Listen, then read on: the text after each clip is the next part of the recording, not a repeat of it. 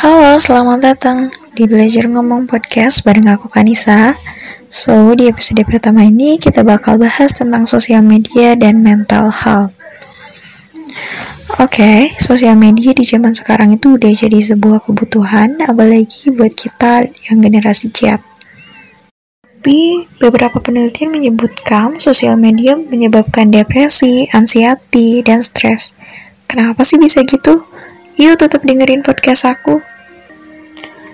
Is social media hurting your mental health? Yang pertama, karena sosial media adalah highlight reel. Apa sih highlight reel? Yaitu kumpulan momen-momen baik. Karena di zaman sekarang, orang dinilai dari isi sosial media mereka. Oleh karena itu, mereka terpacu untuk mengemas diri mereka semenarik dan sebaik mungkin. Ini juga bisa nyebabin kita nggak jadi diri kita sendiri loh. Dan yang selanjutnya adalah social currency. Apa itu social currency?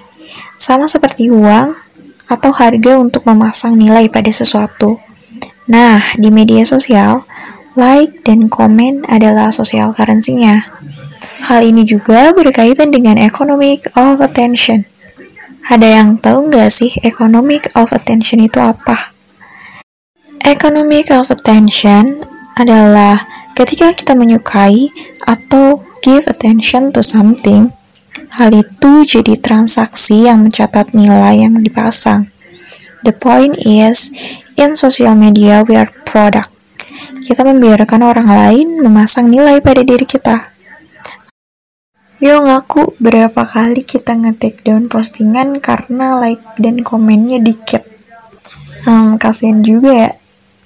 Kesannya diri kita ini kayak nggak berharga tanpa orang lain. Oke deh, yang terakhir ada FOMO atau biasa disebut fear of missing out. Karena kita takut buat tertinggal, kita takut disebut kuno. Oke, buat episode kali ini, aku mau kita sama-sama bijak dalam menggunakan sosial media itu sendiri. Selain itu, buat kita semakin terbuka dalam berpikir, dan yang paling penting, sehat mental. So, itu aja.